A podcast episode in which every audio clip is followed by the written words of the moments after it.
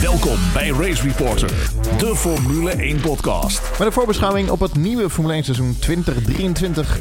Want komende weekend barst al het Formule 1 geweld weer los in Bahrein. De vraag is of Max Verstappen en Red Bull Racing hun titels opnieuw eenvoudig kunnen verdedigen. Of dat we nu een spannende strijd gaan krijgen. Aflevering 143 van Race Reporter, seizoen 7 alweer. Ik, was, ik ben Lucas Degen en zit hier vandaag met Jeroen de autoschrijver. Boek Formule Hopeloos ligt nu in de winkel. Nu, nu, nu. Haal dat boek. Ja, haal dat boek. Kopen. Uh, welke druk? Druk 5? nee, ik, voor, voor zover ik weet zit ik nog steeds gewoon op de eerste druk oh, hoor. Okay. Uh, eerste ik heet nog geen Dan Brown. ja. Oké, heel goed. Heb je zin in het nieuwe jaar? Ja, ik heb er wel zin in inderdaad. Ja, ik moet zeggen, ik uh, we hadden het net natuurlijk voor de opname het er al een beetje over. Ik vond het op zich wel lekker. Even, even pauze, die, even, die, even winterstop. Maar uh, ja, het begint nu gewoon wel weer te kriebelen, ja. Hm, oké. Okay. Uh, Jeroen Schot is hier ook.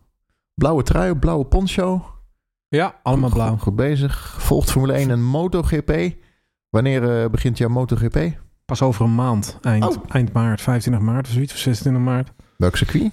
Uh, Algarve, uh, Portimao. Oh, leuk. Ja. Leuk. Dat is zeker leuk. Dat Mooi is baantje. Een, een, van mijn favoriete circuits nog steeds. Mooi baantje. Ik zei het net al Formule 1 of Race Reporter seizoen 7. En seizoen 5 van Drive to Survive op Netflix. Moet het er toch even over hebben. Uh, Jeroen, Jeroenen, hebben jullie gekeken? Nee, oh, want het zijn ook vooral nee. de Jeroen Demmendaals in deze wereld die niet kijken naar oh. Drive to Survive. Want ik ben namelijk helemaal niet de doelgroep. Kijk, Drive to Survive is natuurlijk een manier om nieuwe fans uh, binnen te halen. En ik word ook regelmatig gevraagd, hoor, ook bijvoorbeeld op werk en zo. Dan hoor je van mensen van, ja, ja, ik heb nu Drive to Survive ik ga, gezien op Netflix. Ik ga denk ik toch maar eens Formule 1 kijken. En dan heb jij het ook gezien. En dan, nou ja, nee, want ik kijk al sinds, sinds begin jaren negentig. Dus het is, ik ben niet de doelgroep. Ik heb het eerste seizoen gezien en toen dacht ik, ja, dit heeft zelfs een tekortkomingen, want sommige verhaallijnen worden wel heel erg verdraaid. Um, en toen dacht ik, ik denk ook gewoon niet dat dit voor mij is. Um, maar wat ik wel geweldig vind, is dat het in de afgelopen jaren zoveel nieuwe fans heeft opgeleverd. Ja. Jeroen Schotten? Uh, nee, ik heb, uh, ik heb ook niks oh, gezien. Ja, je ziet af en toe beelden op Twitter langskomen, zo van de korte, korte filmpjes of zo. En dan zijn vaak wel de leuke, grappige deeltjes. En dan denk je, nou ja, weet je, het is allemaal smeuïg, gaat toch maar kijken. Maar uiteindelijk is het gewoon niet mijn serie. Ik heb voor mij de eerste twee seizoenen of zo gezien. En toen bij het tweede seizoen dacht ik al van, nou, ik hoef niet al die afleveringen te zien. Oh. En toen ben ik er maar mee gestopt eigenlijk. Nee, ik vind het leuk. Nou, ik, ik, kan me best voorstellen dat het leuk is. Voor ja, leuke beelden. En dan, moet je ook gewoon en dan moet je ook gewoon kijken. Ja, ja maar ik zie, ik zie uh, ja, bijvoorbeeld die Gunther Steiner, ze hadden we lachwekkend. Je ziet veel meer uh, achter de schermen beelden. En Max is weer terug, die zit er weer in. Dus, ja. Uh, nou ja, Gunther Steiner is ook een zeer amusante man natuurlijk. Dus dat is ook leuk. Ja, klopt. iedere keer televisie. Met, iedere keer met Jean bellen. Als er weer een auto in een stront is gereden. Ja, en het centraalgebruik is vrij kleurrijk. Ja, precies. Uh, zoveelste studio, volgens mij net zoveel als uh, versies als de afleveringen.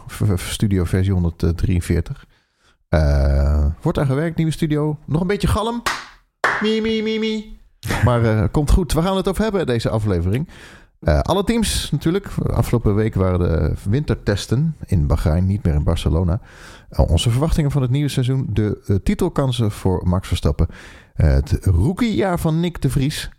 En de vooruitblikken natuurlijk op de Grand Prix Bahrein volgende week. En de luisteraarsvragen die vandaag weer binnen zijn gekomen via Twitter. Dank daarvoor. Nou, daar gaan we. Take it away. Formule 1 uh, 2023 alweer. Uh, wat is er nieuw? Zes sprintraces. Las Vegas op de kalender. Wordt dat net zo gekke huis als uh, Miami? En Qatar is weer terug. Qatar is weer terug. Die hebben we toch maar één keer gehad, toch? Volgens mij. Dus ik weet niet of dat. Volgens mij is dit nu zeg maar het echte begin, volgens mij, van dat tienjarige contract voor Qatar. Ja, ze hadden een elfjarig uh, contract, volgens mij. Dus. Oh, zo was Tien jaar het, ja, plus één, ja. Want, want ze kwamen er één keer natuurlijk bij. Ze hebben er natuurlijk al één keer erbij gehad als een soort van vervanger voor. Omdat er een andere Grand Prix was weggevallen, volgens mij. Um, ja, Qatar ben ik niet zo heel erg uh, wild van. Uh, ik vond die eerste race dat de Formule 1 daar reed. Uh, ja, ik, ik, weet niet of het echt een Formule 1 baan is. Uh, maar goed, hè, het ligt in de woestijn en daar hebben ze een hoop geld, dus dat betaalt wel. Um, Las Vegas, um, kijk, Miami vind ik drie keer niks. Maar Las Vegas wil ik nog wel even, uh, ik wil het een keer zien namelijk. Want uh, in tegenstelling tot Miami wordt Las Vegas wel degelijk op daadwerkelijke straten van de stad Las Vegas gereden. Dus het is daadwerkelijk een stratencircuit. Strip. Um, we gaan natuurlijk ook over de strip heen in Las Vegas. Dus de backdrop moet wel indrukwekkend worden. Um, dus ik hoop dat het een soort Baku wordt. Um, in plaats van een Miami of een Sochi. Uh, maar ik, wat ik zeg, ik wil het een keer zien. Ik dacht dat uh, zal mij liggen, maar ik dacht dat China weer terugkwam. Dat was vanaf en stond hij er weer, wel op? Of ja, precies dat. gemist? Hij oh. was eraf en toen was hij er weer op en nu is hij uiteindelijk toch weer eraf. Oké, dus, uh, nou heb ik het toch, toch goed gemist. Het heeft een beetje te maken met de coronaregels die het niet toestonden. Uiteindelijk stonden ze er wel toen, maar toen was hij er alweer helemaal afgeschapt, weet ik veel. Maar komt niet. Welke Grand Prix was dat? Wat, welke zou dan voor in plaats komen? Shanghai uh, heet het. Oh, welke ervoor in plaats? Uh, geen eentje. Want we hadden eigenlijk 24 races, toch? Is serieus? Hadden we ja. 24? Ja. hij is niet vervangen. Wauw. Nee. 23. En dus, ongelooflijk wel veel. Veel races uh, weer. Uh, zes sprintraces daarvan. En we hebben natuurlijk heel fijn de Grand Prix van Nederland. Is daar trouwens al iets over bekend? Over, is dat contract is daar verlengd? Ik, ik moet ook weer helemaal inkomen. Maar is uh, Nederland, hebben ze niet gezegd dat het tien jaar contract hebben gekregen? Nee. Nee, dus nog, het is nog in, in... tot einde 2025 volgens mij. Of tot einde tot 2025 volgens mij. Ah, oké. Nog drie jaargangen hebben we nu nog. Ja. Oké. Ja. Nou, mooi is dat. Nee, maar de, de gewone Europese races, die krijgen geen tien jaar contracten. Hè. Dat krijgen alleen de zandbakraces die, ja. uh, die honderden miljoenen neer kunnen tellen. Die krijgen, die, die krijgen tien jaar contracten. Ja. ja. Nee, ik zeg even naar de, betalen, ja. Ik zeg even naar de kalender te kijken. 27 augustus is uh, circuit Zandvoort. En de, daarvoor Grand Prix België, de laatste keer België. Maar dat is, die is ook wel weer vaker van de lijst gehaald en kwam weer terug. Nou ja, ik wil het zeggen, dat weten we niet of het de laatste keer is. Want ik bedoel, dat heb ik wel eens eerder gehoord. Um, En um, dan kwam hij uiteindelijk ook weer terug. We weten in ieder geval dat, het alleen, dat ze een contract hebben voor alleen dit jaar. Um, maar het is niet gezegd natuurlijk dat het helemaal gaat verdwijnen. Maar ook hier weer, we weten natuurlijk dat ze bij België niet de hoofdprijs kunnen betalen. En die kunnen ze in uh, andere landen. Uh, want tot een paar jaar geleden zouden we nog een Grand Prix in Vietnam krijgen. Nou, die is nu weer even afgeserveerd. Ja. Maar um, ik, ik, weet niet. Uh, Maleisië wil graag weer terug. Nou ja, enzovoort enzovoort. Ik kan me herinneren dat België ooit was vergeten zich in te schrijven. dat is typisch België. maar ik zie wel dat opvallend. Ik zie drie keer de Amerikaanse vlag op uh, deze kalender. Ja. Ik, zie, ik zie dus uh, Miami, ik zie ja. United States en ik zie Las Vegas. Dat is uh, best veel eigenlijk. Ja. ja. Natuurlijk is het een groot continent, snap ik ook wel. Maar... Ja, nee, ik vind het prima. Ik heb daar geen moeite mee. Ik had alleen liever wat andere circuits gehad misschien. Maar ik vind, uh, ik heb geen, ik vind Miami vond ik niet zo'n uh, geweldige race. En Las Vegas, die hype, daar word ik helemaal een beetje kriegel ja, van. Als ik die nu al te zien krijg. Ja. Kota vind ik wel een lekkere baan. Uh, maar ik had er liever twee andere circuits bij gezien. Maar goed, ik begrijp heel goed dat ze daar drie races doen, joh. Dat is zo'n groot land en ze willen eigenlijk uh, voet aan de grond krijgen. We hebben een uh, Amerikaans team, we hebben een Amerikaanse coureur. Het, het is daar booming op dit moment, dus dat vind ik volkomen logisch. Ja. Geen enkel moeite mee. Italië heeft er ook twee. Nee, nee, maar ik ben er wat ouderwets in. Ik, ik wil, eigenlijk liever per continent een eigen race. Kialami, Zuid-Afrika, China, Rusland. Ja, nee, nee, maar zes races per jaar. Ja, nee, zijn we snel klaar. Dat is het. De wintertest. Wat weten we inmiddels en wat weten we niet? Hebben jullie alle dagen uh, voor de tv zitten kijken? Hebben jullie het allemaal gevolgd? Ik heb natuurlijk, ik heb al wekenlang vrijgenomen om deze winter te zien. uh, ik heb de donderdag en de vrijdag wel gezien. De zaterdag heb ik even overgeslagen. Ja, Toen had ik wat anders te doen. Ja. Um, maar ja, ik heb, uh, ik heb zaterdag, of de, de, de, eerste twee dagen wel gewoon, uh, ja, ja met een half oog zitten kijken. Want ik bedoel, je moet natuurlijk ook gewoon, hè, er is nog werk ook en zo. Ja.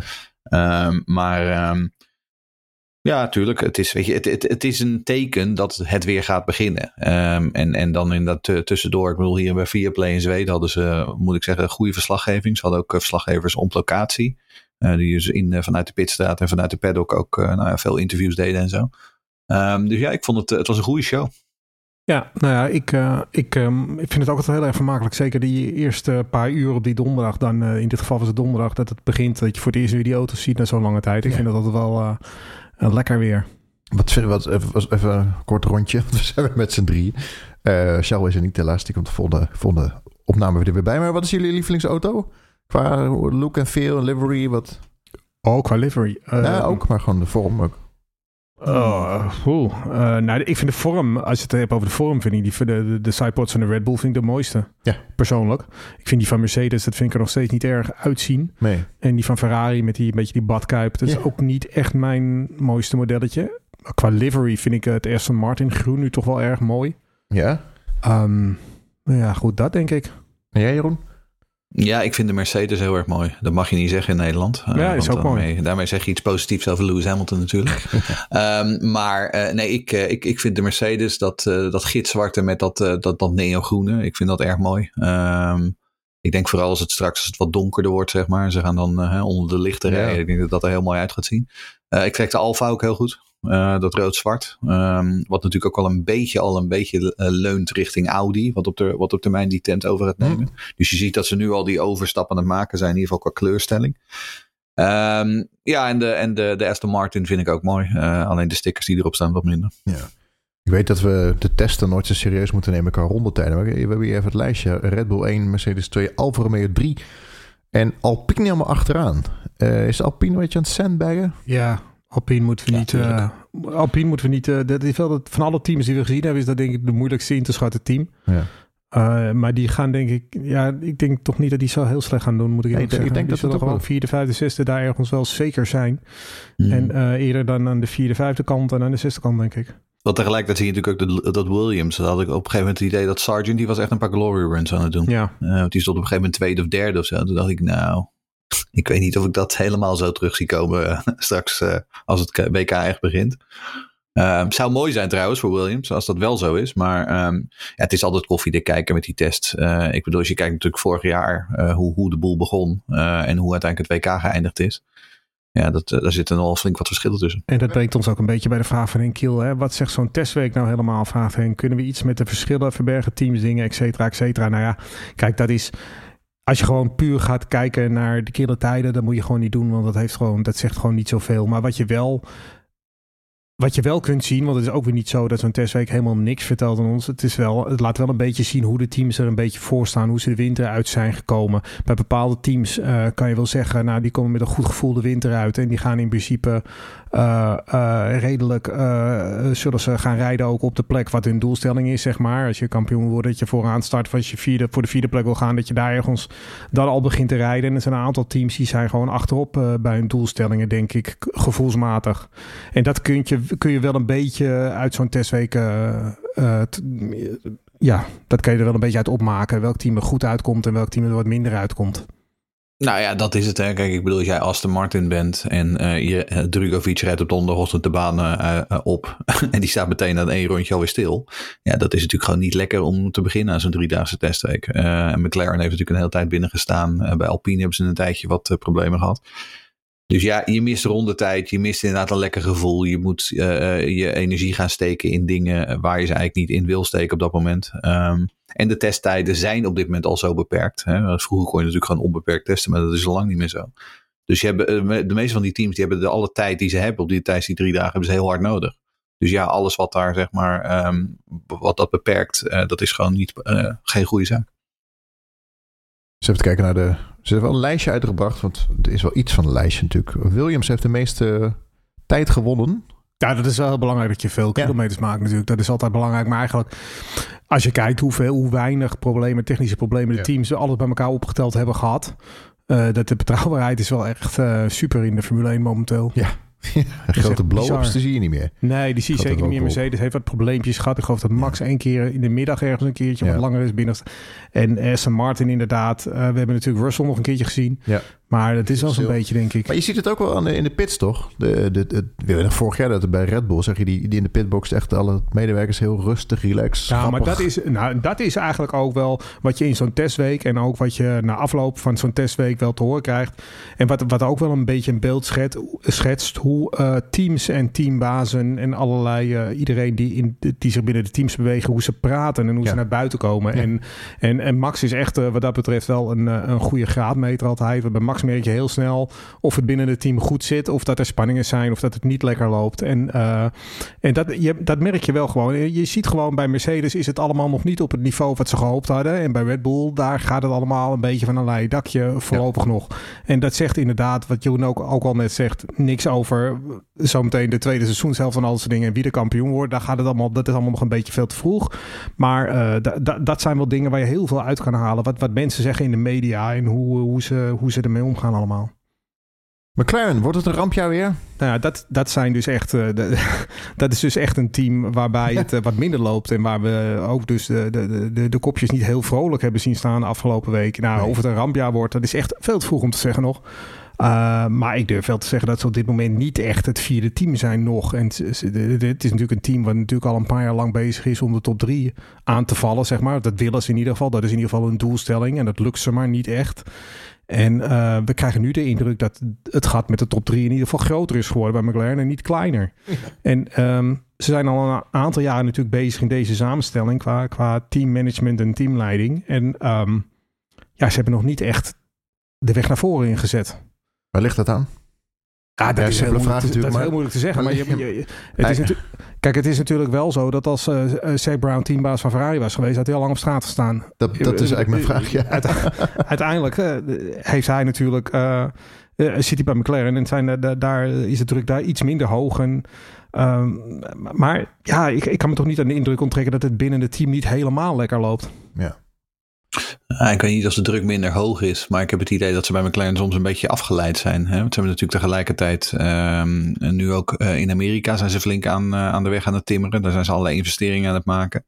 Um, ja, en ik, ik krijg als buitenwacht krijg je toch een beetje de indruk dat ze misschien een beetje afgeleid zijn en een beetje met te veel uh, dingen tegelijkertijd bezig zijn. Ik bedoel, Zach Brown is natuurlijk ook de speel in die hele discussie vorher rond dat contract van Alex Palou en wat hij dan wel en wat hij dan niet zou gaan doen bij, bij McLaren. Dus ja, het, het, het, het, is een, het is een rare situatie. Maar aan de andere kant, ze begonnen vorig jaar natuurlijk ook gewoon heel zwak. Ze hadden vorig jaar ook een heel slecht begin bij die, uh, bij die tests. Ja. Uh, en uiteindelijk zijn ze er toch wel weer, in ieder geval met Landon Norris, redelijk bovenop gekomen. Uh, in die zin, voor hun is het waarschijnlijk een voordeel dat het seizoen tegenwoordig zo lang is. Want dat betekent ook dat je weer meer tijd hebt om, om eventuele achterstanden in te lopen. Maar het is, een, het, het, is een, het is een rare situatie. Ik denk niet dat ze helemaal onderaan de lijstjes gaan eindigen. Maar Um, ik denk wel dat ze een, uh, ze hebben wel een stroeve start gemaakt. Ja. En ook zij zijn weer van teambaas uh, veranderd. Seidel is natuurlijk nu uh, weg. Ja. En ja, ze hebben nu Stella. Stella, ja. Andrea Stella, een man die 100 jaar in de Formule 1 al rondloopt. Maar als teambaas natuurlijk nog wel redelijk onbesproken is. Dus ik ben heel benieuwd hoe dat daar de komende tijd gaat. Maar ik denk dat Seidel wegging, dat dat ook voor hun toch wel een, een klapje is geweest. Want dat was toch wel een man volgens mij die het wel redelijk op orde had. Ja. We hebben een vraag ook gegeven van Wouter de Ruiter over McLaren. Ja, Wouter die vraagt, McLaren zakt jaar na jaar weg en er wordt gesuggereerd dat ze maar het achtste of negende team zijn tijdens de wintertest. Hoe kan het team zo in verval zijn geraakt en wat is de oplossing om het team er weer bovenop te krijgen? Nou ja, dit, dit, hebben het natuurlijk al een beetje al aangestipt, um, maar uh, ja, ik denk dat Stella wel degelijk, uh, um, die, zal natuurlijk tijd moeten krijgen om, om, om zijn, uh, om zijn nou ja, hoe zeg je dat, zijn vorm te vinden, om, om, om inderdaad zijn organisatie op poten te zetten. Uh, en ongetwijfeld zal hij, hè, want ieder mens is verschillend, hij zal de boel anders aansturen dan, uh, dan Andreas Seidel dat deed. Um, maar om eerlijk te zijn, ik weet het niet. Kijk, het punt is natuurlijk ook dat ze met, um, met een motorleverancier rijden, waarbij ze ook niet meer echt de absolute top uh, focus zijn. Hè? Want Mercedes is natuurlijk vooral op zichzelf gefocust. Dus ook dat is weer, ja, bijvoorbeeld Red Bull en Honda, dat is de, ja, die zijn zo close met elkaar. En, en, en weet je, die zijn zo samen op zoek zeg maar, naar de top. Ik denk niet dat dat bij McLaren en Mercedes het geval is.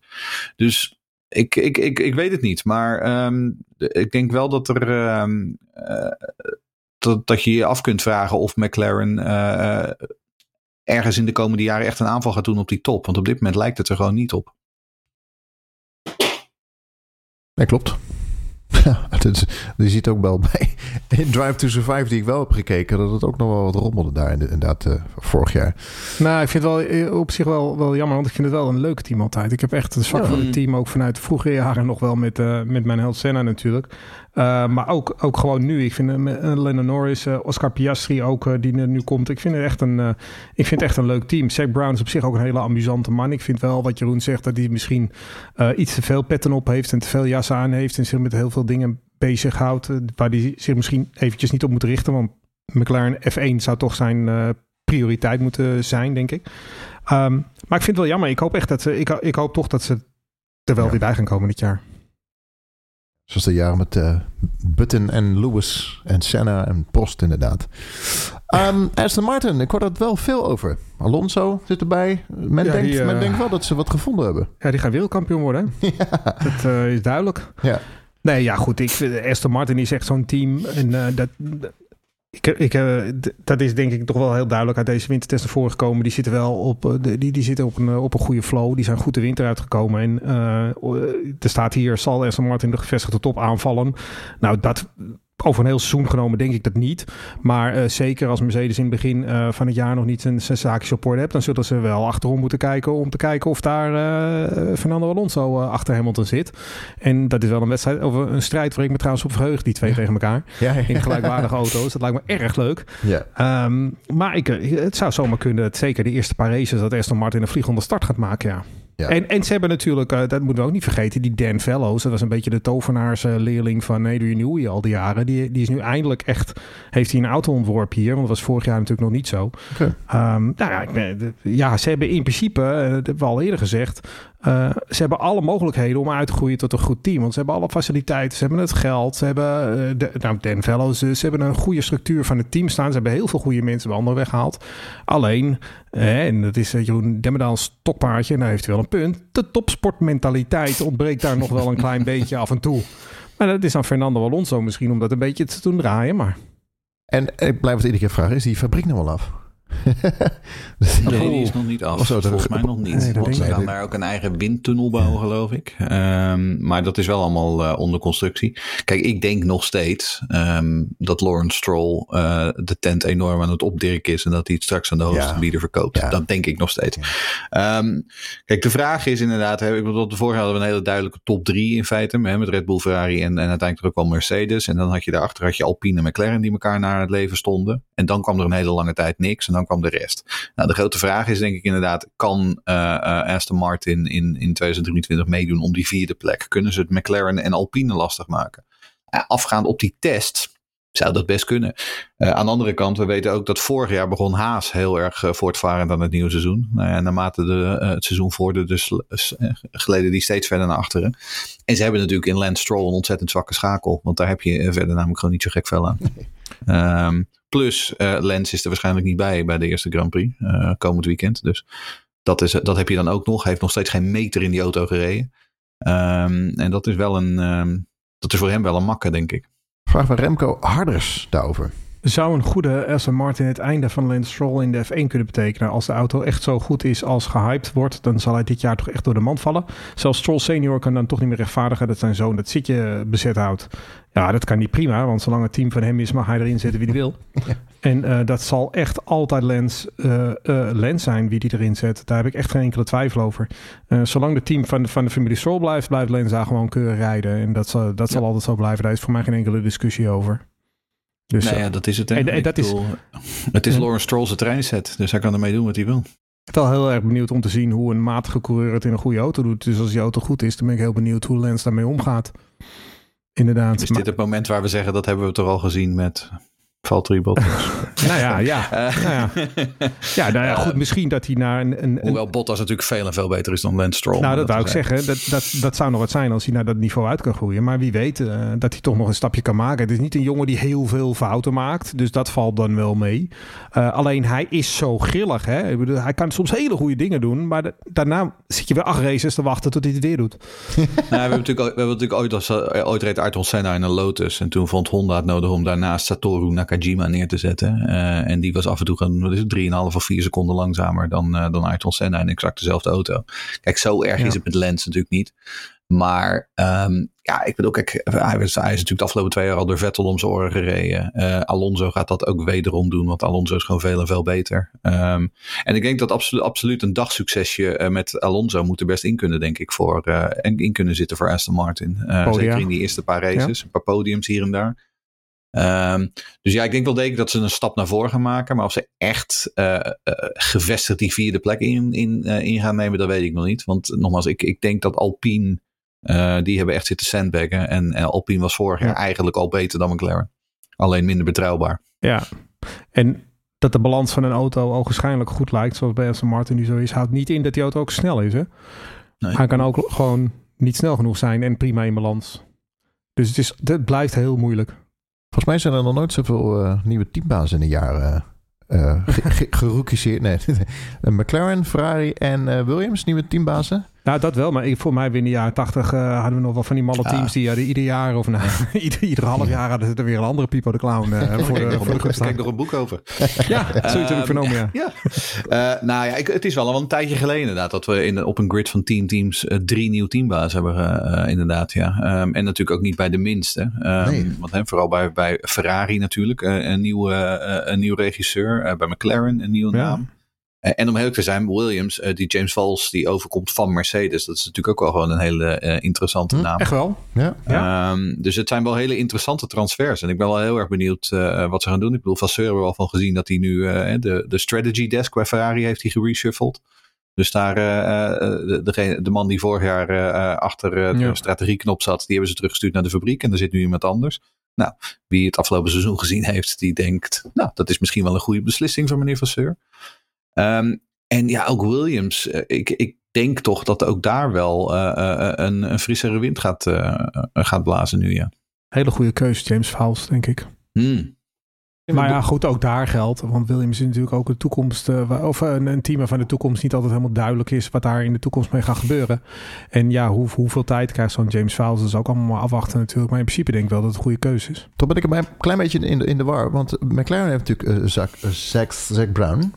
Nee, is, ja. Maar wat is maar zijn de teambaas? Wat is zijn functie ja, dan? Eh, ik weet niet wat zijn officiële functie is, maar die hangt er eigenlijk een beetje boven. Die doet ook een McLaren IndyCar en alles. is voor mij uh, president van McLaren CEO Racing. of zo? Dus, maar, maar ja, als je het vergelijkt met de Red Bull... Echt, nou, nou ja, de, de teambaas van McLaren is Andrea Stella. En daarboven ja. zit zeg maar Zach Brown. En die doet ook McLaren IndyCar en McLaren, alle McLaren zeg maar. Ja, ja. Dat snap ik. Maar, maar het, dus met Red Bull was dat dan de grote baas van Red Bull? Of? Ja. Uh, Ja. Maar ja, maar die is ook eigenaar was ook eigenaar natuurlijk. Dat, dat is hier niet zo. Maar, maar, ik geloof, maar ik geloof dat Brown ook aandeelhouder is in McLaren. Ja, zou kunnen. Ja. maar goed, dat, is, dat heeft weer met een andere ja, eigendoms, Williams. Uh, eigendoms te maken. Ook Williams. Maar als, die... als je vergelijkt met, met Red Bull, dan is Andrea Stella gewoon Christian Horner. Gewoon echt nee, dat alleen dat snap ik. Dat snap ik. Maar als, maar als we naar Williams kijken... en Christian Horner zijn niet dezelfde persoon. Nee, snap ik. Maar als je kijkt naar Williams, die hadden toch die man die uit de rally kwam. Ik ben even zijn naam kwijt. Jos Capito. oh, Jos Capito, dat was de teammanager, maar Jos Capito is ermee gestopt. Oh, die is weg. sorry. Dat heb ik heel even James Fowles is de vervanger daarvan. Kijk, en Williams is natuurlijk eigendom van die investeringsmaatschappij uit Amerika, Doralton. Oké. En uh, wat Jeroen net al zegt, kijk, de, de toekomst van Williams is een beetje onduidelijk. Maar eh, net als wat ik net al zei bij de Strolls, uh, ik denk dat Doralton, die uh, hebben Williams gekocht eigenlijk voor een prikkie van de familie Williams. Want de familie Williams had gewoon geld nodig. Dus die hebben tegen een relatief lage prijs ja gezegd. Uh, en nu hopen ze dat de Formule 1 nog even groeit in populariteit. En dat uh, het team het nog wat beter gaat doen. En dan verkopen ze het door aan de volgende. Want dat is namelijk wat investeringsmaatschappijen doen. Uh, vraag genoeg voordat we verder gaan. Is het niet, gaat het niet steeds meer maar de automerken in de Formule 1 zijn? De, de Lotussen, de Ferraris, de Mercedes. Maar ze komen weer terug, hè? Ja. Want het was een tijdje dat ze, dat ze eruit trokken. Maar dan weten we natuurlijk dat Ford ook weer terugkomt. Ja. We weten dat de Audi Audi's. terugkomt. ja, absoluut. Het is wel een het is absoluut uh, weer, een, weer een trend dat er inderdaad uh, dat de, de grote uh, fabrikanten weer terugkomen. Ja, dat zou misschien ook wel betekenen dat misschien Red Bull. Nee. Volgens mij hoeven we niet op korte termijn hoeven we niet te vrezen voor de toekomst van Red Bull in de Formule 1.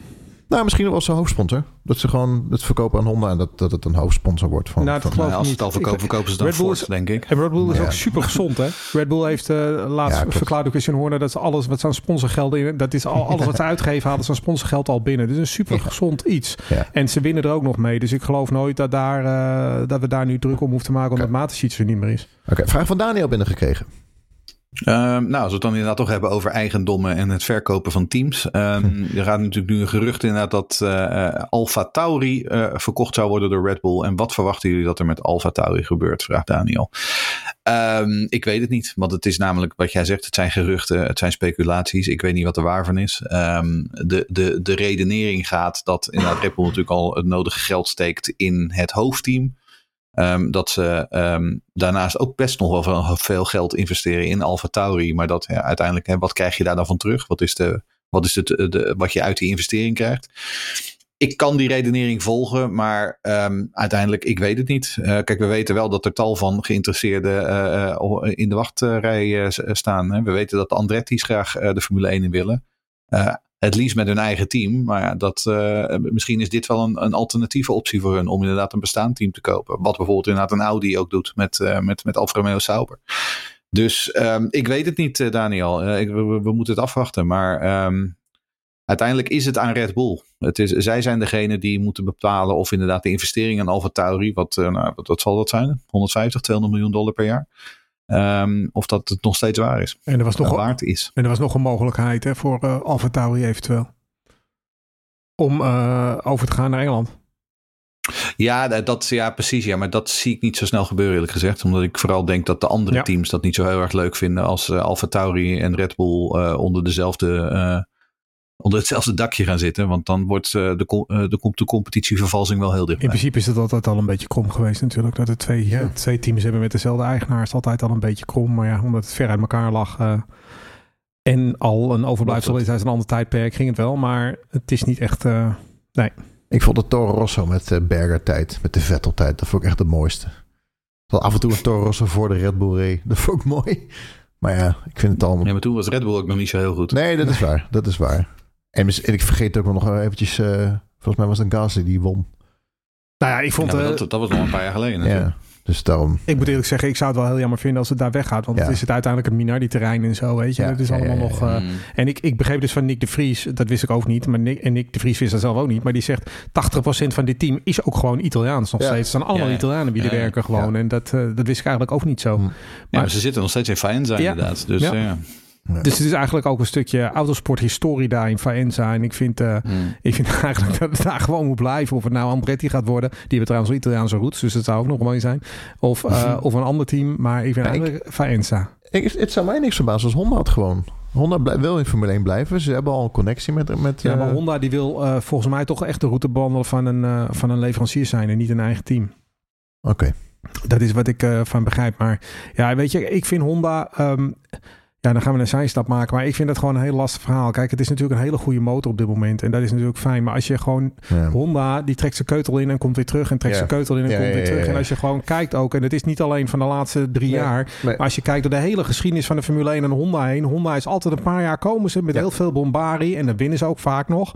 En dan hup weg. Ja, Renault ook. En iedere keer doen ze dat. Ja, Renault heeft er ook een handje van. Maar die zijn de laatste tijd wel wat stabieler. Uh, ik, ik vind Honda ook een moeilijke partij. Om daar echt een langdurige samenwerking mee mee, af te sluiten, vind ik lastig. Ja.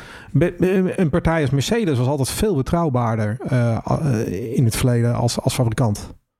Maar toch ook Renault is al een beetje yo-yo geweest. Hè? Als we Zeker. kijken wat we ja. qua betrokkenheid bij de Formule 1. Um, ehm, kijk, ik denk dat het vooral voor hè, de toch nog steeds vrij westerse Formule 1 wereld. Denk ik dat die, uh, die managementcultuur in Japan gewoon heel moeilijk te doorgronden is.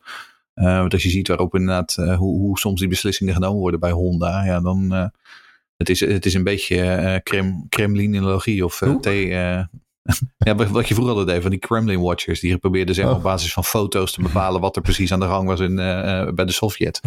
um, het, het, is, het is toch allemaal een beetje lastiger in te schatten. Um, en ik denk dat het. Maar Honda is wat dat betreft niet minder uh, um, onbetrouwbaar. Of minder betrouwbaar dan bakker een Renault, wat mij betreft. Uh, want Renault is ook al vier of vijf keer gestopt en daarna weer teruggekomen. Race Reporter. Formule 1 podcast. De WK-strijd. Ja, we zijn niet, eens gaan nog niet eens begonnen, maar toch kunnen we al wel een klein beetje voorspelling doen. Wordt het spannend dit jaar? Voordat het weer gewoon Ik mag het hopen dat het spannend wordt dit jaar. Ja, precies hè. Ja, ik heb een beetje het idee dat het hetzelfde wordt als vorig jaar. Ja, ik, ik ben er een beetje bang voor eerlijk gezegd. Eh, en ik had die pas al ehm, de afgelopen dagen met een paar mensen op Twitter ook al een gesprek over. En uh, dan zeiden de mensen van ja, nou het lijkt mij wel prima als uh, Max Verstappen nog een paar jaar domineert. Toen dacht ik ja, nou, dat mag. Ehm, ik hoop van niet, maar ik ben ook allereerst, ik ben niet, zo, niet zozeer Max Verstappen fan. Ik ben Formule 1 fan.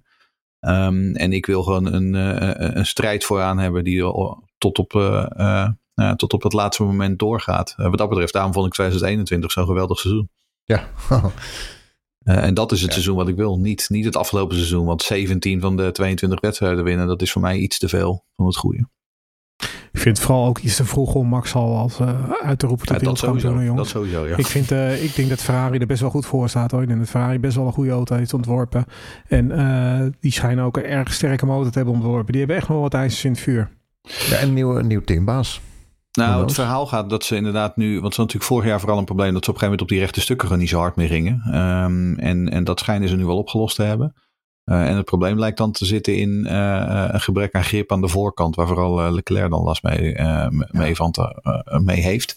Um, en dan gaat er ook nog het verhaal dat ze in Bahrein bewust met een hogere, met een hogere auto reden. Dus met, een met de vloer verder naar boven geschroefd dan, dan wat ze normaal gesproken zouden doen tijdens een raceweekend.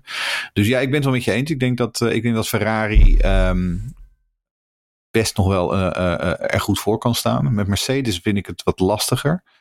Uh, ik heb wel het idee dat ze minder ver verwijderd zijn van, uh, van, van de top dan vorig jaar, uh, toen ze begonnen. Maar ik heb ook het idee dat ze het lek nog niet helemaal boven hebben nee. bij, bij Mercedes. Nou, bij Mercedes is echt een team, daar merk je het ook inderdaad naar de reacties van iedereen. En hoe mm. iedereen praat en hoe iedereen doet en handelt.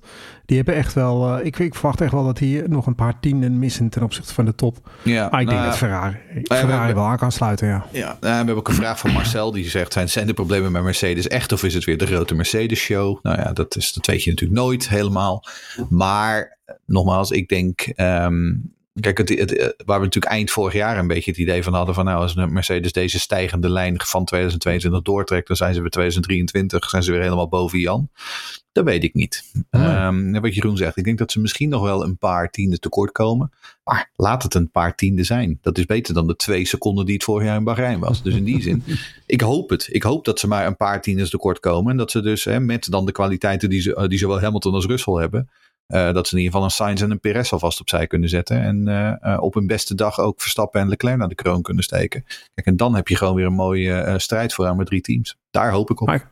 Ik vraag me wel af of Mercedes dat kan, om eerlijk te zijn. Want um, we hebben natuurlijk, we zijn op een gegeven moment van 2013 naar 2014 overgestapt op de hybride motoren. Hmm. En toen hebben ze natuurlijk dat enorme tijdperk van, eh, van, van dominantie gehad. Ja. Maar dat kwam eigenlijk altijd voor het grootste deel op basis van hun motor. Hè? Ja. Hun motor was altijd de sterkste. Het was nooit zozeer de auto, want de Red Bull had ook altijd hele goede auto's in die jaren. Maar het was altijd de motor. Hmm. En uh, het, het, er ging ook altijd een hardnekkig verhaal, zeker in de eerste drie jaar, dat ze de motor zelfs nog extra terug hebben geschroefd om niet het hele veld te declasseren. Dat geloof ik ook. Uh, Um, de, de, de, en nu hebben ze dat voordeel gewoon niet meer. Want de Ferrari motor is eigenlijk gewoon sterker dan de Mercedes motor. En de Honda motor is ook gewoon sterker dan de Mercedes motor. Ze zullen het nu moeten doen op basis van hun auto. Ja. En ik vraag me af of ze dat daadwerkelijk kunnen. Kunnen zij echt een auto bouwen die, bouwen die net zo goed is als de Red Bull of de Ferrari? Want dat hebben ze in jarenlang niet hoeven doen eigenlijk. Nou, een goede vraag. Ik weet het niet. Uh, maar het is niet eens nodig. Kijk, ik bedoel, in die, in, die, in die hybride jaren waren ze zoveel beter dan de rest. Dat ze dat konden compenseren. Kijk, laat het nu maar zo zijn dat ze misschien een auto hebben die net iets minder is dan de Ferrari uh, en de Red Bull. Door de band genomen. Met een motor die misschien net iets minder is. Maar weet je, dan, wordt het, dan gaat het weer van circuits afhangen. Dan gaat het weer van de vorm van de dag afhangen. Dan gaat het weer van uh, betrouwbaarheid afhangen. En dat is gewoon wat ik wil. Waarbij het gewoon aan het begin van het weekend niet zo ongelooflijk voorspelbaar is. En dat je vrijdagmiddag al, voor, al ziet dat Max Verstappen een halve seconde los is van de rest van het veld. Nogmaals, ik weet dat er heel veel luisteraars zijn die dat heel erg leuk vinden. Maar ik heb dat op een gegeven moment wel een keer gezien. Uh, ik, ik wil gewoon, een, ik wil gewoon een, een echte strijd vooraan. Nou, dat wil ik ook graag. Maar Mercedes gaat wel races winnen dit jaar. We gaan zeker drie teams hebben die races winnen en misschien wel vier. Nou, laten we het hopen. Ja, dat is een goede vraag. Goeie, Wat denk jij, Lucas? Nou, Kan vierde team zich in die strijd mengen? Nee, maar, nee, ik zit dan ook aan andere dingen te denken. Bij Mercedes uh, gaat Lewis nog wel iets laten zien. Is het niet Russell die nu... Russell vorig jaar wat gewonnen. Nee, ik, eh, nee, Hamilton die heeft vorig jaar natuurlijk wel in de eerste seizoenshelft. Uh, ja, die, die heeft zijn ziel onder zijn arm. Um, maar die heeft zich na, vooral na die zomerstop, heeft hij zichzelf echt hervonden. Um, ik, en die weet nu wat hij verwacht. Die weet nu dat hij in ieder geval niet meer zo'n ontzettend dominante wagen heeft. Um, ik denk absoluut dat Hamilton er vanaf uh, het eerste weekend staat. Ja, en Russell ook. Uh, het, is, het is wat mij betreft is het, uh, is het, het sterkste rijdersduo dat er, dat er is in, in de Formule 1. Ja. Die twee. Ja, ja, dat zeg je, want dan kom ik toch op Drive to Survive. Uh, Perez moet, uh, gaan ze in de lente evalueren. Moet ze nog met hem doorgaan? Nou, dat ook weer. Want ik bedoel, Perez, ik bedoel, die heb ik natuurlijk dan ook tijdens die tests aan de slag gezien. Ja. en als je dan ziet hoe makkelijk Max Verstappen met zijn Red Bull uiteindelijk gewoon naar de snelste tijd rijdt en alles vlieren fluitend. En dan hoe vaak ik dan vervolgens, um, of vlieren fluitend, dat is niet helemaal netjes, maar gewoon fluitend. Dat, dat ging gewoon vrij gemakkelijk. Ja. Verstappen zat lekker in zijn vel. En als ik dan vervolgens zie hoe Perez uh, hier weer blokkeert, daar weer net iets uh, wijd gaat. Uh, en toch gewoon van, constant vierde, vijfde, zesde staat met zijn Red Bull. Dan denk ik van nou Sergio, ik weet niet of, het, of, of dit wel jouw jaar gaat worden weer. Um, en als ze hem dan, wat jij zegt, als ze hem dan gaan evalueren inderdaad in, in, in het voorjaar of in de zomer. Nou, ik weet het niet, maar ik heb wel het idee dat het een beetje een, een, een cruciaal jaar gaat worden voor de carrière van Sergio Perez. Hij zit er bij gebrek aan beter hè? Want die moet je erin ja. zetten? Ja. Geen idee. Eens. Nou ja, hopen, ja, hopen dat Nick, hopen, misschien dat Nick de Vries een wereldseizoen Ricciardo. ja, ja, sommigen zeggen Ricciardo, maar ik geloof daar persoonlijk niet nee, in. Hè? Maar nee, dat, dat, er zijn er een hoop die dat zeggen.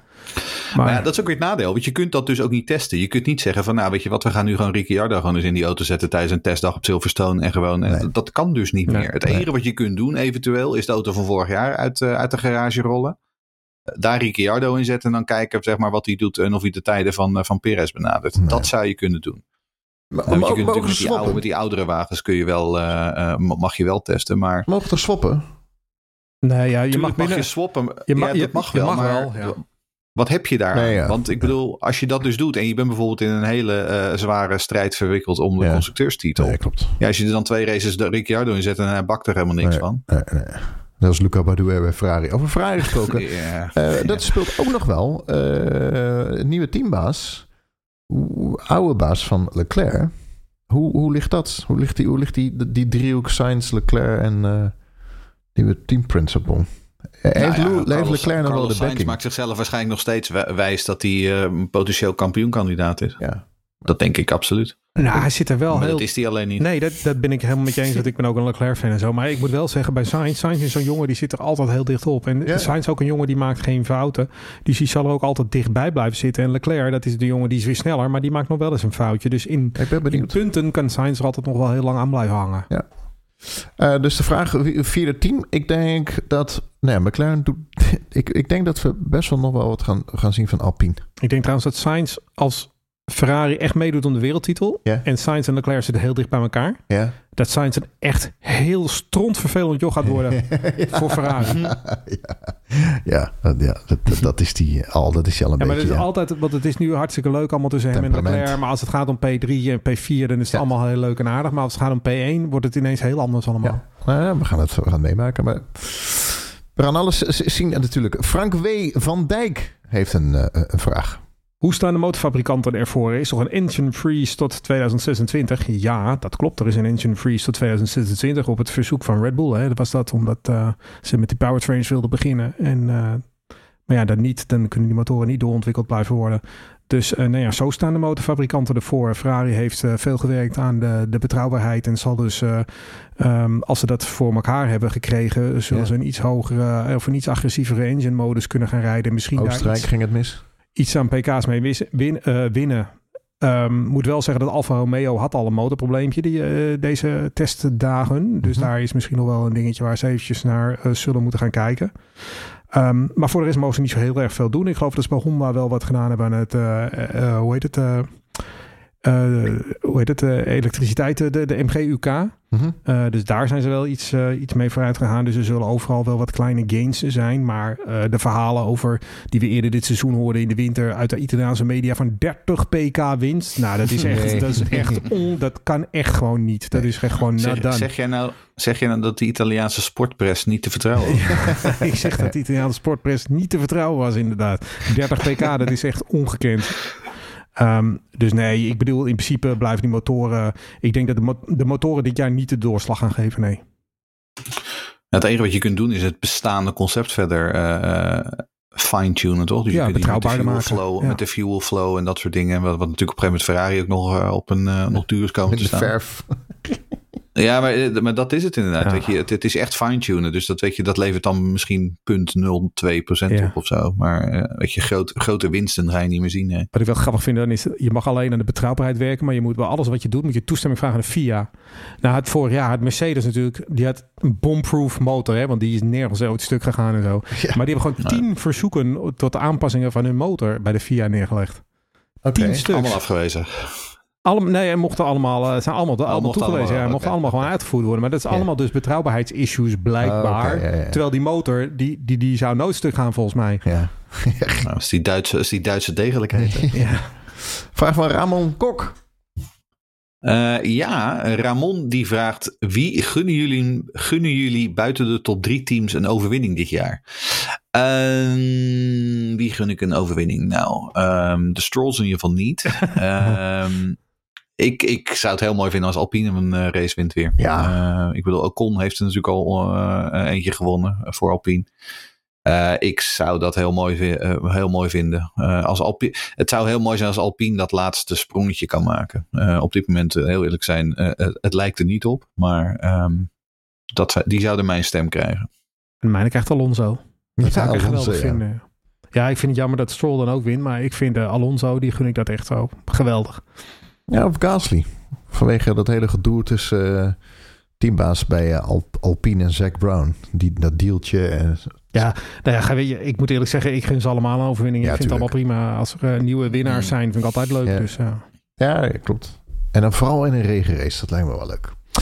Mel Melody is dat een username of een echte naam? Wel een leuke naam. Dat is een username. Denken jullie dat er een keuze voor nummer 1 rijder een nadeel gaat zijn voor Ferrari of Mercedes? Of maakt dat niet veel uit? Ik denk inderdaad dat het niet zoveel uitmaakt. Want dat, eh, dat settelt zichzelf wel gedurende de eerste fase van het seizoen. Wie de eerste rijder, tweede rijder gaat worden. Ja. En uh, ik denk, um, nou wat ik al zeg, zolang ze niet om plek 1 um, vechten, zal het ook geen enkel probleem opleveren. Ja, ik ben echt heel benieuwd hoe dat bij Ferrari gaat nu met het nieuwe teambaas. Nou ja, goed, het is altijd de vraag. Kijk, zoals wat Jeroen zegt net, dat is natuurlijk helemaal terecht. Van Mercedes heeft het sterkste rijdersduo. Maar zijn ze het meest complementair aan elkaar? Dat weet ik niet. Want als, het, als ze nou echt een auto hebben, zoals bijvoorbeeld in 2016 tussen Mercedes of tussen Hamilton en Rosberg, uh, dan ben ik heel benieuwd hoe de dynamiek is tussen Hamilton en Russell. Want Russell is wel een mannetje. Ja. Russell is geen Valtteri Bottas die, die aan de kant gaat als het moet. En, uh, maar kijk, ook daar, net als wat ik net zei met Leclerc en Sainz. Kijk, zolang het allemaal een beetje om plek 4 en 5 en 3 gaat. Ja, weet je, dan is het allemaal wel prima. Dan komt het wel goed. Nou ja, en vergeet niet, Russell heeft gewoon Lewis Hamilton verslagen hè, vorig seizoen. Ja. In zijn eerste jaar bij Mercedes. Ja. Uh, dus die zit uitstekend in zijn vel. Die kan laten zien, de, hè, dus op het moment dat hij ook maar enigszins uh, lucht krijgt dat Mercedes uh, hem probeert te benadelen of uh, Hamilton probeert te bevoordelen, dan gaat hij meteen op zijn strepen staan. Ja, die dynamiek die blijft interessant. Dat vond ik vorig jaar al. en dat wordt nu naarmate hè, de, de stakes steeds hoger worden, naarmate ze daadwerkelijk kunnen meegaan doen om overwinningen regelmatig, wordt dat alleen maar interessanter natuurlijk. Klopt. Dennis Broekhart. Heb ik ook nog kaarten voor gekocht voor de Grand Prix van België. Hij is een -hmm. vriend van Race Reporter. Hij heeft een vraag. Ja, ons uh, allemaal. Mag ik, mag ik beginnen om hem voor ja, te leggen? Uh, ja, uh, Dennis Boekart die vraagt. Als jullie een team samen konden stellen, oh. hoe zou jullie superteam eruit zien? Dat moest vroeger altijd online. Teambaas, chassis, motor. En dat mocht dan heden of verleden. Ja, dit is inderdaad wel een klassieke vraag, inderdaad. En, um, ik, ik heb hier niet heel erg over nagedacht, maar ik ga hem uit het hoofd doen. mijn coureurs worden Ayrton Senna ja. en Jim Clark. mijn teambaas wordt Colin Chapman. Um, het chassis wordt de McLaren uit 1988. MP44. dat weet ik niet, maar dat geloof, ik geloof je meteen. Maar die. En, en mijn motor wordt. Um, de, nou ja, we hebben het er net over gehad. De Mercedes Hybride uit 2014. Om en nabij. Leuke vraag. Past die in die kleine MP44? Want dat is maar een heel klein autootje. Hè? Past daar die enorme hybride motor in? Kijk, en ik kan, hem, ik kan deze vraag natuurlijk ook met mijn Formule Hopeloos pet op uh, beantwoorden. En dan worden mijn coureurs natuurlijk Bertrand Gachot en Gabriele Tarquini. Uh, mijn teambaas dan wordt Jean-Pierre van Rossum. Uh, mijn chassis wordt dan, ehm, ik denk een kolonie. En mijn motor wordt dan natuurlijk de Live W12. nou, nu mogen jullie. En Lance Stroll wordt je coureur. Nee, nee, Tarquini en uh, Oh, oké. nee, ik ben er heel saai in, maar dat, mijn superteam zou gewoon het McLaren uh, Honda 1988 team zijn met Senna, hmm. Prost, Ron Prost. Dennis als Ron, teambaas. Ja. Want Senna en Prost gaven ons de beste televisie die ik overigens gezien heb qua racen. Dus ik zou voor hen gaan. Ja, daar ben ik wel mee eens. Maar, maar, maar uh, ik, ik ga een, een, team kiezen wat niet gaat winnen. Maar Montoya en Villeneuve. Nou, dat is een, een, leuk team. En dan in die prachtige uh, Williams, de FW14 geloof ik, uit 92, waar mensen in won. En als teambaas ook wel Dennis inderdaad nu iets zegt. Ja. En welke motor dan? Uh, ik denk de Renault uit 92, maar die zat al in de Williams. Oh, maar die had zo'n laag geluid. Ja, die zat al in de Williams. Ja, die had zo mooi. Ja. Dan de, uh, die, die gillende McLaren die we ooit eens hebben gehad. Ik weet niet precies welke dat was, maar... Niet of de gillende, v, de gillende Ferrari V12 uit 95. Oh, nee. Trouwens, nee, dan zeg ik het anders. De Renault uit 92 in de groene Jordan. De 7-Up Jordan. Oh, ja. Ja. ja. Oh, ja. En dan Montoya en Villeneuve. Nou, voor, ja, nou, dat vind ik mooi. Als ik dan toch, als ik een livery mag kiezen, dan doe ik even die Benettons met al die kleuren destijds. Die vond ik zo mooi uit, uh, uit eind jaren 80. Ja, ja klopt ja. Staat hier in, de, in het Race Reporter Museum. Leuk vraag, dankjewel uh, Dennis. Race Reporter, de Formule 1 podcast. De rookies. rookie. Ja, is Nick de Vries een rookie? Ja, zeker. Ja. Oké. Ja, tuurlijk. race gereden, kom op. Ja, oké. Nou goed, dan rekenen we die mee. We hebben er gewoon drie hoor. Die, Logan ja. Sargent. En ik ga, het jullie toch echt aanraden. Kijk toch Drive to Survive. Want daar wordt Oscar Piastri helemaal besproken. Ze hadden 4 hm. miljoen in hem geïnvesteerd bij uh, Alpine. Maar hij heeft gewoon, gewoon gezegd, Tulodoki, doe ik ga naar McLaren. Um, dus dat, ja, dat is, heeft ook wel een, een, Achter de schermen speelt daar ook wel een dingetje. Uh, wie, wie is jullie favoriet? Nou, van die drie denk ik dat Oscar Piastri de meest begaafde is. Uh, maar ik vind het alle drie wel interessante nieuwkomers. Vind ik de Vries ook heel erg interessant. Die hebben een heel uh, moeilijk traject natuurlijk afge, afgelegd. Maar is er uiteindelijk wel gekomen. Ik denk ook echt wel dat hij Formule 1 waardig is. En dat hij het goed gaat doen. Ik heb heel veel vertrouwen in. Logan Sargent vind ik de minste van de drie om eerlijk te zijn. Ik ben nooit zo heel erg overtuigd geweest van die jongen. Ik vind het wel leuk dat er een Amerikaan is. Al rijdt hij achterin dan rond. In de waarschijnlijk minste auto van het veld. Um, dus ik vind het wel drie interessante rookies. Ja, en vorig jaar hadden we natuurlijk alleen Zoo. Dus wat dat betreft worden we dit jaar heel erg verwend.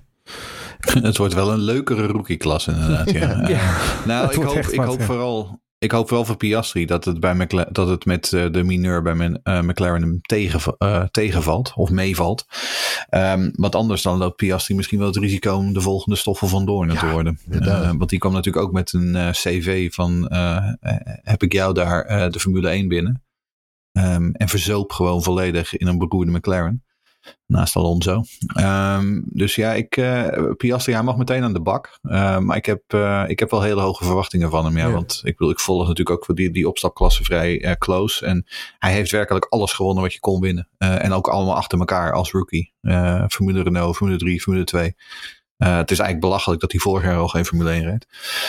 Uh, en Sargent, ja, ik wil Sargent heb ik, ik, denk dat die jongen best getalenteerd is. Het is ook absoluut niet zo. Het is geen nieuwe Latifi wat, wat dat betreft. Um, hij is echt beter dan Latifi, denk ik. Uh, heeft meer natuurlijke aanleg. Maar um, ja, hij gaat wel, die gaat ook wel een heel moeilijk uh, jaar tegemoet, ja. Um, ik mag hopen voor hem dat hij een paar puntjes kan sprokkelen. Ik, ik hoor mensen roepen dat Piastri de nieuwe Max Verstappen is.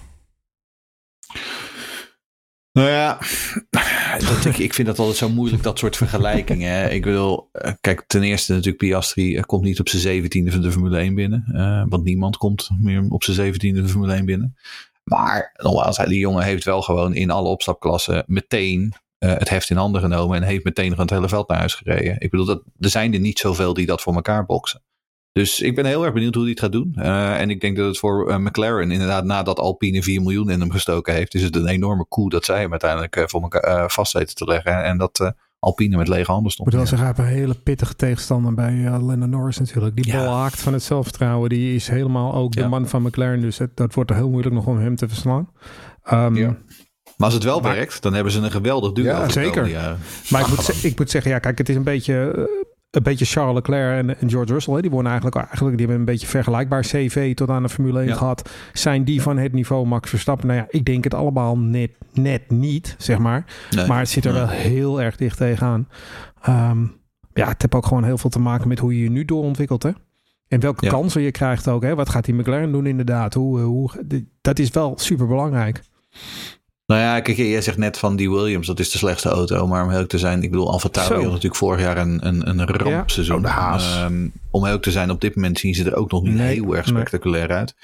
Uh, dus uh, als Nick de Vries heel erg veel pech heeft, dan uh, vecht hij iedere race om de vijftiende plek. Oh. Kijk, en Tsunoda, die rijdt hij wel naar huis. Daar, heb ik niet, daar ben ik niet zo heel erg bang voor. Want ik denk dat Nick de Vries gewoon... Op zondagen wel. Ja, op zaterdagen weet ik het niet. Nee, maar Nick de Vries is een pure aanleg, natuurlijke aanleg, gewoon beter dan Tsunoda. Um, en meer, veel minder grillig. Vooral, nu is natuurlijk ook gewoon meer ervaren nu. Uh, ik vind dat Tsunoda een beetje geflatlined is qua, qua ontwikkeling. Um, Weet je, die maakt nog steeds gewoon hele domme fouten. Uh, die die echt niet meer zou moeten maken. Dus nee, ik denk, ik denk wel dat Nick de Vries in ieder geval qua hè, de interne uh, strijd. Uh, denk ik dat hij dat wel gaat winnen. Maar ja, als hij pech heeft, is die Alfa Tauri gewoon heel slecht. Um, en mag hij hopen op een negende, tiende plek af en toe hier en daar. En ik hoop voor hem niet dat het team verkocht gaat worden. Want dan weet ik zijn toekomst niet meer zozeer. Dan heeft hij misschien ook nog ja. een probleem in. We noemen nou de rookies. Ik zit te denken, we, we hebben ook nog een Rotti. Een Rotti? Ja, een Rotti. Wat is dat? Nou, iemand die uh, eigenlijk al te oud is, maar die toch nog weer... Uh, Fernando Alonso. Dus een, Alonso, ja. doet. Nee, de Hulkenberg. Oh. Die weer terugkomt. Oh, ja, die zijn we helemaal vergeten. Die moeten we eigenlijk ook nog even nou, vergeten, natuurlijk. Vergeten, vergeten, vergeten. Ja, een jongen die we terugkomt. We hebben, het gewoon niet over, we hebben het gewoon niet over hem gehad. Nee. um, nou. Maar uh, ja, nee, ik moet zeggen, kijk, vorig jaar toen, toen Kevin Magnussen terugkwam. Uh, en hij verving natuurlijk ook gewoon de minst populaire coureur van allemaal, namelijk Nikita Mazepin. Toen vond ik het heel erg leuk. Um, en uiteindelijk, afgezien van een paar momenten, was Magnussen toch redelijk kleurloos. Uh, ik verwacht van Hulkenberg ook niet zo gek veel, eerlijk gezegd. Uh, en voor mij hebben we het hier ook al eerder over gehad. Ik snap, de, ik snap de strategie van Haas niet zo, niet zo goed. Nee. Nee. Nee. Uh, ooit met, met twee rookies en nu opeens weer met twee van die oude rotten in die auto. Wat wil je nou eigenlijk? Ja, maar ik vind ook gewoon, en dat zit gewoon in mijn hoofd, en ik vind dat gewoon, en dat is misschien helemaal onterecht, want ik ben geen teammaas, maar ik vind gewoon de tweede Williams-stoel, de tweede Alfa Romeo-stoel, de tweede Haas-stoel en de beide Alfa Tauri-stoelen, mm. dat moet het voor talenten zijn. Niet per se rookies, ja, mogen ook tweedejaars zijn, maar dat moet voor jonge talenten zijn. En nu komt er een der, ja. dertiger terug. Ik vind Hulkenberg een heel aardige jongen. Ja. Uh, maar, maar die heeft daar volgens mij helemaal niets meer te zoeken. Eens? Nee. Nee, dat vind ik dus ook. Wel leuk, ik had in eh, onze groepsapp eh, had ik uh, iets ge gedropt. Namelijk, de Jan Lammers heeft nog steeds het record in handen voor de langste durende rentree. Die kwam na tien jaar terug in de Formule 1. Hmm. Dus ik vroeg aan jullie, wie, wie is er eigenlijk tien jaar geleden, in 2013, gestopt voor het laatst? Guido van der Garde, Charles Piek volgens mij ook. Guido van der Garde inderdaad. Ja, en Charles Piek dacht dat, ik ook, ja. Dat Guido van der Garde terugkomt in de Formule 1. We hebben dus twee Nederlanders die hetzelfde record hebben. Maar goed, dat gaat niet gebeuren natuurlijk. Ja, ik heb niet het idee dat Guido van der Garde hoog op de nominatie staat bij een aantal teams. Nee. Hij heeft wel nog steeds een Sauber-contract, geloof ik. Ja, misschien als Monisha Kaltenborn ooit nog terugkomt in de Formule 1, dat hij nog een kans maakt. Nee, maar ik vond het leuk, leuk om te horen, dat uh, record. Ik wist niet dat Jan Lammers het record nog in handen had. Ja, ja zeker. In 1992. Ja, lachen. Ja. ja, in de March. Ja, de March, ja. Dat hij huilend op tv aan het vertellen was hoe dat allemaal ging. Tien jaar na had zijn ook laatste eigenlijk, Had ook eigenlijk in 1993 ook, en dan, uh, ook, het, ook uh, verder moeten gaan. Maar dat ging niet door. Jan Lammers. Nou, wie weet gaat Max ermee stoppen. Komt hij na tien jaar weer terug. Of Jos komt terug. leuk. Wanneer stopte Jos? Was oh, 2001 of zo? 2003 Drie? was volgens mij zijn laatste jaar bij Minardi. Na 20 ja. jaar komt hij dan terug. Dat zal lachen zijn. Um, voorbeschouwing. Grand Prix van Bahrein. Ik had begrepen dat het regende daar uh, vandaag. Maar uh, wie weet. is het zo? ja, dat was uh, regen. Dat is voor mij voor het eerst ooit. Ik maakte leuke grappen. Bal, rain, haha. Um, maar we hebben de voor, voorbeschouwing. Ik vind, het een, ik vind het geen leuke baan. En ik hoop niet dat we weer dat of, of de track, push me off the track gaan krijgen. En dat rare verhaal van een paar jaar geleden dat Lewis steeds wel dat lijntje uh, ja, wel mocht en niet. Oh, wat een gedoe allemaal. Tenminste, dat zijn mijn herinneringen. Maar... Nou ja, ja, maar dat is de Formule 1 uh, anno 2000. Dat is waar. Nou ja, vul, vul zelf maar in. Ik bedoel, de, de track limits gaan weer een ding worden. Ik moet zeggen, ik vind Bahrein op zich wel een aardige baan hoor. Um, het is namelijk wel een baan waar je, je kunt er racen, je kunt er inhalen. Ja. Um, en dat tegenstelling tot bijvoorbeeld dat Qatar, uh, vind, vind ik dat deze baan een stuk beter geslaagd is. Ja. Um, maar ja, het is en blijft een zandbakbaan. uh, dat is, weet je, er is gewoon niet veel sfeer rond die baan. Um, en dat blijft zo. Ja, ik vind het ook niks. Ik vind het circuit niks. Ik vind het, het is wel, het klopt dat je er wel kan racen, maar ik vind, er zit geen enkele bocht in waarvan ik zeg van wow, nee. er, nee. er, zit geen uitstraling op. Ik vind het echt een, een als hij morgen verdwijnt, prima. Ja, en, het, en ik vind ook dat moet niet de opener zijn. Waar we het steeds over hebben, je wil, nee, gewoon, om, je wil gewoon om vier uur, vijf uur s ochtends op voor Australië. Melbourne. Ja. Je wil gewoon. Absoluut. Ja. Maar ja, goed, dat, is, dat, die komt erna, dus dat is goed. Ja, dat is waar. Verwachtingen dan? Uh, verwachtingen. nou ja, ik, ik, ik denk toch eerlijk gezegd, als ik, als ik dan uiteindelijk met een. Hè, um, als ik moet voorspellen, dan denk ik dat Max Verstappen een wint, ja. Nou, ik verwacht eigenlijk dat deze wedstrijd toch wel, uh, wel weer een strijd tussen Red Bull en Ferrari gaat worden. Dus ik verwacht nog wel een duelletje hier. En dat kan je hier doen. Ja, vorig jaar had Leclerc Pol. Ja, vorig jaar best een leuke wedstrijd gezien hè, met Leclerc en Verstappen. Ja. Die daar een paar keer uh, met elkaar uh, ja, Verstappen. Maar dat is ook zo mooi. Ja. Als, je, als je kijkt inderdaad, inderdaad hoe goed Ferrari vorig jaar begon. Uh, en hoe, hoe moeilijk Red Bull het had in het begin. ja, maar dat was... Dat we na, na, na Melbourne met z'n allen zeiden van nou, dat ja, is klaar. Was, was, was gewoon een sandbag. was een sandbag van Red Bull. Die dacht, we gaan alles winnen dit jaar. Laten we gewoon in het begin maar dat geeft wel aan, zeg maar, hoe, hoezeer zeg maar, uh, de verhoudingen ook tijdens het seizoen natuurlijk gewoon nog kunnen veranderen. Ja, um, ja, dus het is, het is zeker niet gezegd dat Bahrein de, de teneur en de toon gaat zetten voor de rest van het seizoen. Ja, absoluut, niet, absoluut niet. Absoluut niet. Uh, vorig jaar hadden wij een fantastische winnaar. Er staat een beker ja. van het voorspelspel. Spel. Spel, spel, spel, spel, spel. En uh, dat doen we nu, hoe lang al? Show, uh, show is nu... 27e jaar nu. Uh, Charles is er niet, maar die gaat als laatste. Dat hebben we beloofd. Want anders dan neem ik al zijn voorspellingen steeds over. Dus laat ik nu beginnen dan. Uh, voorspellingen 1, 2, 3 en 10. Wel even Daniel noemen. Daniel, die, die houdt het ieder jaar weer bij. Tenminste, we moeten nog met hem, met hem afspreken. Dat heeft hij volgens mij niet verteld, maar we gaan er gewoon vanuit dat hij het houdt. Daniel, bedankt alvast. Ik hoop dat hij het inderdaad dit jaar weer, weer wil doen. Ook hij verdient een beker. Uh, ik ga, uh, ja, Max. Uh, Leclerc. Uh, Sainz. Tiende, Gasly. Uh, dan ga ik voor uh, Verstappen, Perez, Sainz. Geen Leclerc? Nee. Oké. Okay. En Ocon. Oké. Okay. Ocon weer tiende? Ja. Oké, ik ga voor uh, Verstappen wint, Leclerc wordt tweede, George Russell wordt derde. Oh ja, die heb ook nog, ja. En de tiende plaats gaat naar... Nou, gewoon omdat het leuk is. Begin van het seizoen, verrassing, Logan Sargent. Wauw. Oh, dat is wel heel leuk. Dat zou wat zijn. En dan hebben we nog Charles, die zegt uh, Max gaat winnen voor Perez, voor Leclerc. En Bottas wordt tiende in de Alfa Romeo. Dat zou leuk zijn met zijn mooie helm. Ja, hoe goed was die helm? Maar de, het probleem is dat hij, hij schijnt hem alleen maar voor de testen ja. gedaan te ja, hebben. tuurlijk. Ik, ik vind het echt jammer. Ik vind echt dat hij het hele seizoen... Die dat is ding zo lelijk.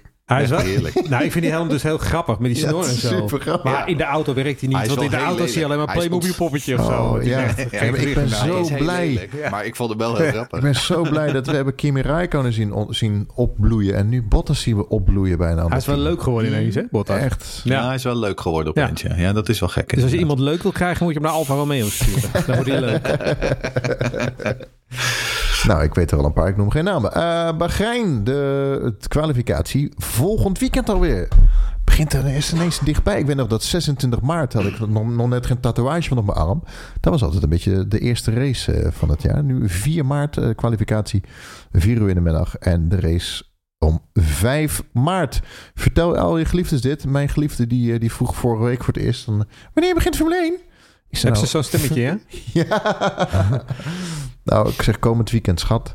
Eh, zondag 5 maart om 4 uur. Ja. Nou. Nou, ik ben heel benieuwd. Ik heb er Ja, zin in. Ik heb ook zin in. Race Reporter wordt mede mogelijk gemaakt door een aantal leden. Dank jullie wel. Jullie houden de podcast in de lucht. Frank Thewe, Roos Zinnige, Karin Niels, Christa, Remco Zoon, Rowdy Rabouw, Maarten Ewertse, Kevin Rijmert, Ewoud Elbre Albrecht, Menno van der Veen, Jarno Dijkstra, Jasper Heijmans, Jan-Joos Volmer, Hugon Elbersen, Ron Hazelbach, Niels de Boer, Bas van Bodegaap van Gomax, Rens Verberne, Martin Verduin, Menno Turksma, Alex Nijenhuis, Remco Kok, Ferry van den Bree, Rob de Voogd, René Bakker, Frank van Dijk, Raymond Wolfswinkel, Erwin van den Heuvel, Huub den Oever, Jaap Roy Bonten. En speciale dank ook aan Annelies Bier, Ties Roodhart, Luc Vening en Harry. Wil je ook dit worden? Ga naar petjeaf.com slash F1podcast. Dat is petjeaf.com slash F1 podcast. Heren, dankjewel. Ik ben blij dat we weer eh, bij elkaar zitten. Ik ook. Ja. En volgende week mogen we alweer. Volgende week mogen we wel weer. Ik hoop Hopelijk. dat Charles erbij is. Ik hoop het ook dat Charles erbij is. Charles. eh, In deze mooie nieuwe studio. Wordt er iedere week, eh, wordt net als een Formule 1 auto ook eh, iedere week een update in de studio. Een update in deze studio. ja. Ga je dan ook de studio in de winter nog zetten of niet? Oké heren, dank jullie wel. Yo, Yo. tot volgende week. Hoi, Hoi. hoi, hoi.